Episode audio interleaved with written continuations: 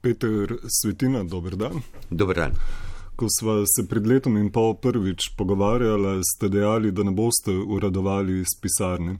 Kako je na vaše načrte vplivala pandemija, predvsem pa kako je vplivala na stanje človekovih pravic pri nas? Ja, tukaj je prišlo do kar velikega reza, ko je prišlo do pandemije, ko so se prišlo do lockdowna. Je sama naša inštitucija se tudi odzvala, mi smo bili pripravljeni, moram reči, zelo dobro pripravljeni na to, da smo za takoj v dveh dneh začeli poslovati od doma, spremljali tudi klice naših pobudnikov popolnoma nemoteno, seveda pa smo delali od doma, tako da se je žal, sem se moral umakniti z terena, zaradi tega, ker ne na zadnje. Smo takrat tudi prenašali virus, oziroma smo bili vsi izpostavljeni virusu, nismo hodili na obiske, recimo v domove za starejše, kjer je bila kriza, kar se tega tiče, zaradi tega, da nismo ogrožali drugih in pa seveda tudi sebe. So pobude vezane na domove za starejše upravičene? Mi smo dobili ogromno pobud v tem času, no v celotnem času krize, ko je bila pandemija razglašena, smo poleg rednih pobud dobivali tudi tako 300 pobud zgolj za COVID mesečno. Nekatere pobude zagotovo so upravičene, vse pa ne. Bi je vtis, da je epidemija k nam prinesla tudi erozijo človekovih pravic, tudi na podlagi teh pobud, ki jih prejemate, pravilen? Vsako poseganje v človekove pravice, vsako, vsaka takšna posebno stanje, kakršno smo ga imeli, je zagotovo poseg v človekove pravice. To je dejstvo. In da, v določenem delu, kar smo tudi potem opozarjali in opozorili vlado in odločevalce, je prišlo do suma kršenja človekovih pravic, predvsem takrat, ko ni bilo zakonskih podlag, ko ni bilo točno določeno, koliko časa bodo posamezni ukrepi trajali. Mi smo na to redno opozarjali vlado, bili tudi v neposrednih kontaktih in moram reči, da morda se dosti krat ni videlo, kaj smo naredili in kaj smo počeli, ampak je prišlo tudi od pozitivnih odzivov strani vlade in je določene stvari tudi spremenila. Dejali ste, veliko pobud je bilo vezanih na domove za stare, starejše. Sami niste naklonjeni širjenju kapacitet domov? Ne, ne. Na narobe, ni res, da nisem naklonjen širjenju kapacitet za starejše, vendar pravica posameznika, sploh potem, ko je svoje življenje, bom rekel, že oddelal, dal družbi doprinos, je tudi možnost izbire. In dejansko nisem naklonjen dodatnim kapacitetam v že obstoječih domovih, tako imenovane nadgradnje. Imamo domove, ki imajo od 120 pa tja do 600 stanovalcev. To zagotovo ni tista kakovost bivanja, ki bi si ga ljudje želeli. Svetovni trendi, ne zgolj evropski, kažejo v to, da je treba iti v manjše skupine, v lokalno okolje in da nujno so potrebne nove kapacitete vendar ne po sistemu izpred 50 let, ampak moderne oblike stanovanjskih skupin v lokalni skupnosti, kjer lahko potem prebivalci, ko so v starosti, tudi svojo konec svojega življenja preživijo v lokalnem okolju in imajo možnost to si sploh izbrati. Kaj pa ukrepi med epidemijo v domovih za starejše? Mi smo se zelo nagibali na to, da je treba, kar se tiče izhode in obiske, uh, smo pozdravljali vse te ukrepe, ki so bili spreje, sprejeti, vendar je treba obiske omejiti. Uh, predvsem smo upozorili na to, da ljudi, ki so v terminalni fazi, da jim je treba omogočiti obiske, da se lahko tudi uh, ta človek, ki je v terminalni fazi in pa svojci dostojno poslovijo. Uh, potem, um, da ljudem ne moremo prepovedati izhoda iz inštitucije, uh, ker to je omejevanje osebne svobode, uh, da pa je treba omiti te ukrepi, omejevalni ukrepi pa morajo biti sorazmerni in imeti točno določen rok trajanja. V zadnjih odzivih ugotavljate, da ni pravne podlage za sankcioniranje neuporabe zaščitnih mask, eh, pa tudi, da ob ustaljenih interpretacijah interventnega zakona prihaja do neenake in nepravične obravnave ljudi, ki uveljavljajo denarno nadomestilo za brezposelnost. Ja, na to smo upozorili. Um, dejstvo je, da kar se tiče sankcioniranja posameznika pri nošnji uh, mask, bi rad povdaril to, da mi se moramo zavedati, da je to naša nova realnost. In če stroka, v katero mi ne dvomimo, ugotovi, da je nošnja mask pozitivna in da preprečuje širjenje virusa, poleg tega da to priporočilo. Ne, uh, zakonodajalec oziroma vlada uh, v uredbi se pa ni odločila, da bi to kaznovala, ne nošenje mask, to še ne pomeni, da se mask ne nosi. Mi nosimo maske, ampak če jo ne bomo nosili, pač ne bomo denarno kaznovani. Ampak kljub temu, pa dajmo biti pametni, pa nositi maske, če stroka po celem svetu tako govori. Pravne podlo podlage za kaznovanje pa ni. Zgolj pravne podlage za to za kaznovanje ni. Za posameznika vemo pa, da je pravna podlaga za kaznovanje uh, pravnih oseb. To se pravi, da če v neki trgovini. Uh, kot pravni osebi ali nekim uh, pravni osebi od nas zahtevajo, da se nosi maska, moramo to upoštevati. Bi si sami naložili aplikacijo za sledenje okuženim? Dokler je ta aplikacija uh, na tem sistemu Bluetooth, uh, sem se pogovarjal z večjimi ljudmi, uh, ki so mi zagotovili, da ne sledi mojim podatkom, in uh, ja, bi si jo naložil. Uh -huh. V svojem prvem letnem poročilu, ki ste ga predali prejšnji mesec, eh, ste zapisali, da opažate, da se v družbi povečuje revščina, ki je raznovrstna in večplastna. Kje vidite glavne sistemske vzroke za to? Revščina um, je večplastna v tem smislu, da uh, se kljub temu, da se nam standard dviguje, da imamo večji uh, bruto domači proizvod, da se neto plače povečujejo, še vedno prihaja do povečanja uh, revščine. Uh, tukaj bi upozoril predvsem na to, da očitno socialni transferi ne pridejo do tja, do uporabnika, do tistega človeka, ki ga potrebuje.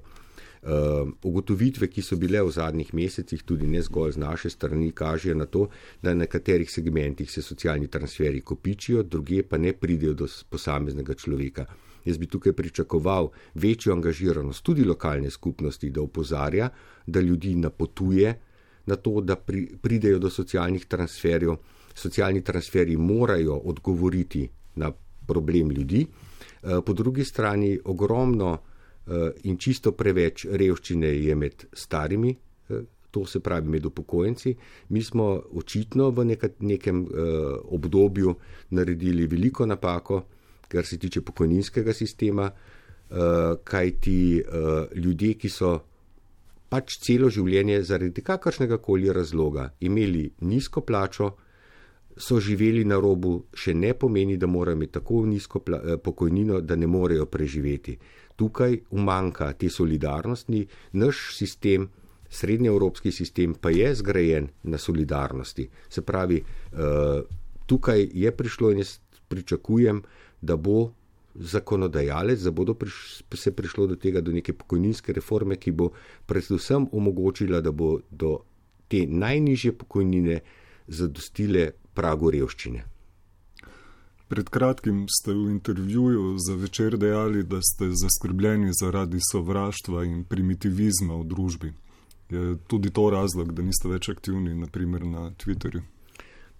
Ja, je. To je razlog tega, da sem se v bistvu umaknil, kar se tiče družbenih omrežij. Uh, sej, če, uh, če se umakneš ali pa če nisi aktiven, še ne pomeni, da uh, odobravaš to. Uh, ampak vseeno, jaz mislim, da ko se človek odloči uh, za javno življenje, da bi rad nekaj dal uh, državi, uh, da bi uh, gradil neko pozitivno uh, zgodbo v državi, še ne pomeni, da mora dobiti tudi trdo kožo in da mora prenesti vse, naj si bo to žaljivke, uh, grožnje, potem ne vem, želje po bolezni najbližjih in tako naprej. Mislim, da to ni vredno. sploh ni vredno prostora, zato sem se jaz pač ne odzivam na take stvari. Ja, je prišlo do te erozije, do je prišlo do nekega primitivizma. In če sem rekel, da sem zaskrbljen, ne več, kot da sem raz, nisem zaskrbljen nad tem.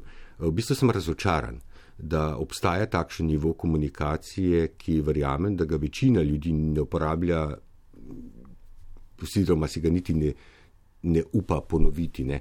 Svoboda govora je zelo pomembna. Uh, svoboda govora je ena taka pridobitev, na katero nikakor ne smemo pač omejevanje svobode govora, na to ne smemo pristajati, uh, ampak uh, eno je svoboda govora, svoboda izražanja, drugo je pa primitivizem in jaz verjamem, da obstajajo besede, ki so tudi, kot se je bilo včasih rečeno, na rekovajih politično bolj korektne, ampak jaz mislim, da neka kultura dialoga, neka kultura izbiranja besed pa vendarle mora biti.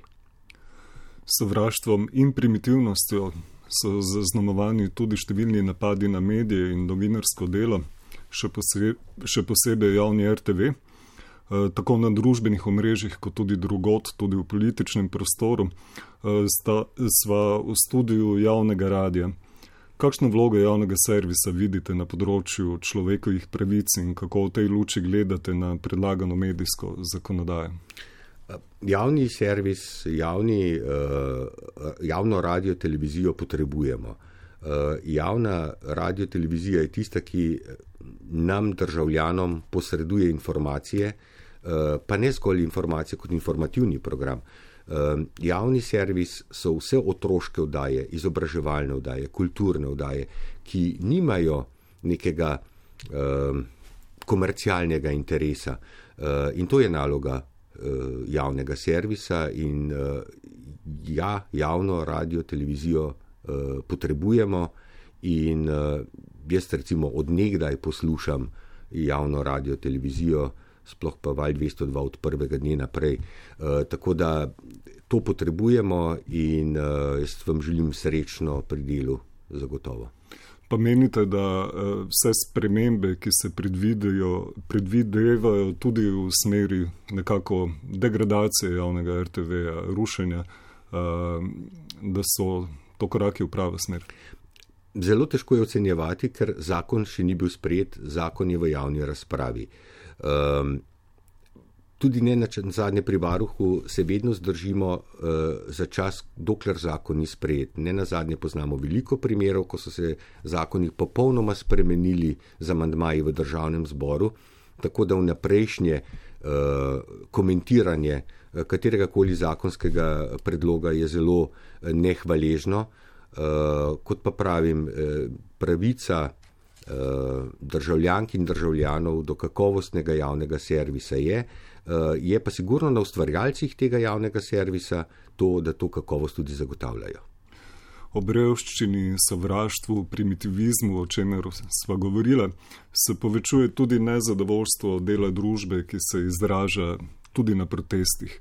Kako ocenjujete odziv represivnih organov? Videli smo, naprimer, kako je policija popisovala ljudi zaradi suma storitve bodočega kaznivega dejanja in prizore, ko je odstranjevala kulturnike, intelektualce, profesori, ki so brali ustavo. Kako je z monitoringom, monitoringom protestov in kako gledate na te represivne ukrepe? Mi smo se odzvali na pobude, ki so prišle. Uh, spet uh, bi rad ponovil tisto, kar sem rekel prej. Pri Baruhu se odzovemo na konkretne pobude, ki pridejo, konkretnega človeka, ki, mi, ki pred, uh, zatrjuje oziroma misli, da so mi bile kršene človekove pravice.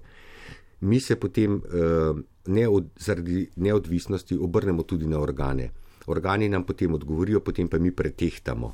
Uh, in uh, zadeve pač ma, imamo, kar se tiče samih protestov, imamo tri pobude, ki so še v obravnavi.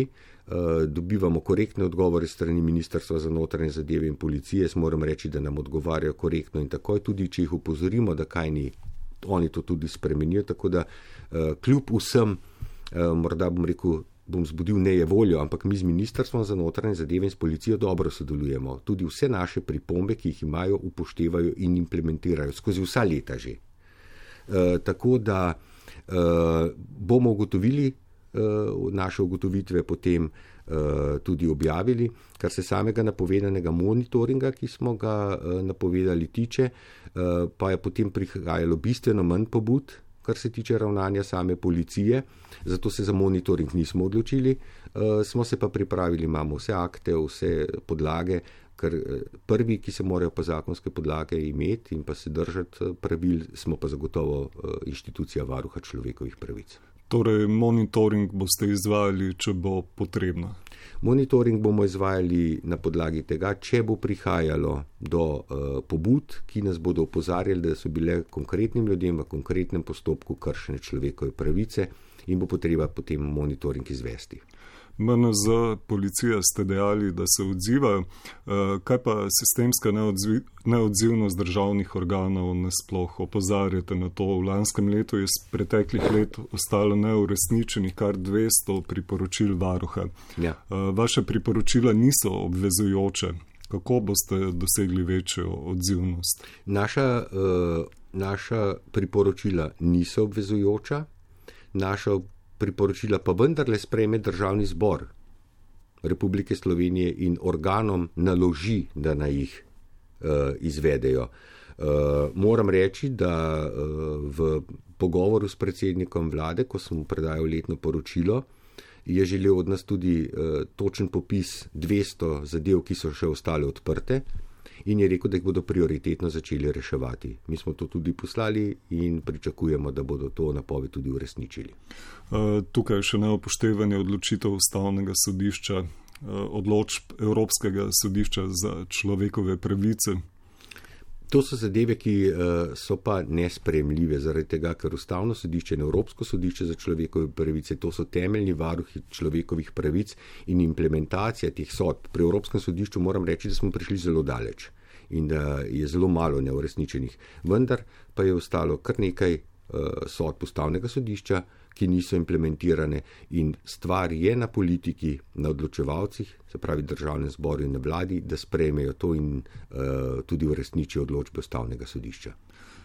Dejali ste, da je veliko uh, pobud uh, neutemeljenih. Kako pa je sicer z vašo odzivnostjo? Naprimer, za končno poročilo o prijetju in vračanju imigrantov na Hrvaško ste potrebovali eno leto. To je kar dosti.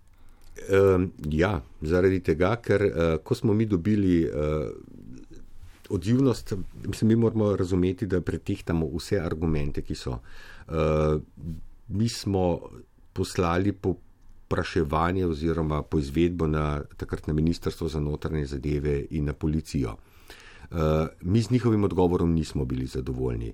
Potem smo zahtevali dopolnitve, potem spet nismo bili zadovoljni, potem smo ponovno dopolnitve. Ne? In to je v bistvu proces, uh, da mi pridemo do res utemeljenih in pretehtanih zaključkov. Uh, mi smo lansko leto, oktobra, uh, ponovno pozvali ministrstvo za notranje zadeve in policijo, da nam razjasni nekatere okoliščine, in marca letos smo dobili njihov odgovor, kjer so povedali, da uh, dejansko ugotovljeno stanje, ki je potem bilo, da so bile kršene pravice tem ljudem.